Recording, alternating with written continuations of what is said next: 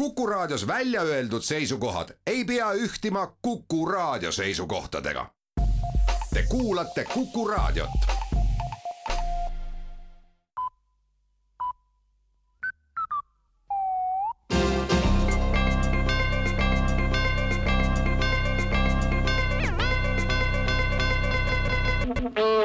tere kuulama uudiseid stuudios Rohke Debelak.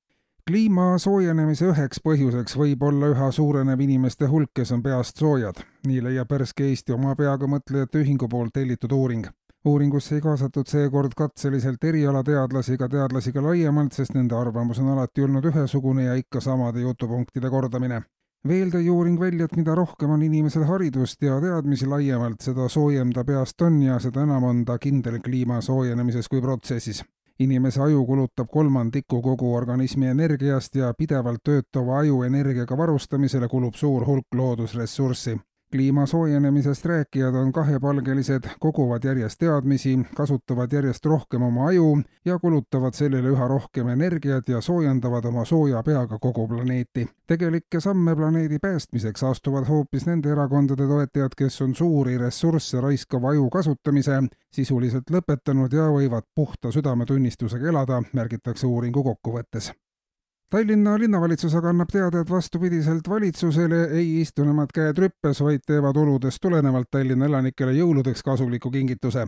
iga linnakodanik saab tasuta nailonkombinesooni ja kui see selga panna ja villase või sünteetilise põranda või diivanikatte peal rähelda, tekitab see elektrivoolu, mida saab inimene oma majapidamises kasutada vabariigi valitsuse poolt ette võetud sammude tulemusena on kulutused elektrile ületanud taluvuse piiri ja reaalse abikäe inimestele ulatab ainult linn kõik linlased saavad oma elektritootmiskombinesooni kätte linnavalitsuse teenindussaalis. kui kombinesooniga vaiba peal sipelda kaks tundi, saab toota elektrienergiat, millega on võimalik keema ajada liitri vett paljud inimesed niigi siplevad võlgades ja nüüd on neil võimalik see siplemine olukorra parandamiseks ära kasutada keskkonnaministeeriumis on aga valmis saanud detailplaneering ehitamaks Eesti maailma esimeseks kahekorruseliseks maaks. lisapinda on hädasti vaja juurde kasvava metsa mahutamiseks. praegu on Eestis metsa nii palju, et rohkem metsa siia ei mahugi ja võitlus selle peale tükkiva metsamassiiviga on ette kaotatud lahing, märgib ministeerium planeeringu seletuskirjas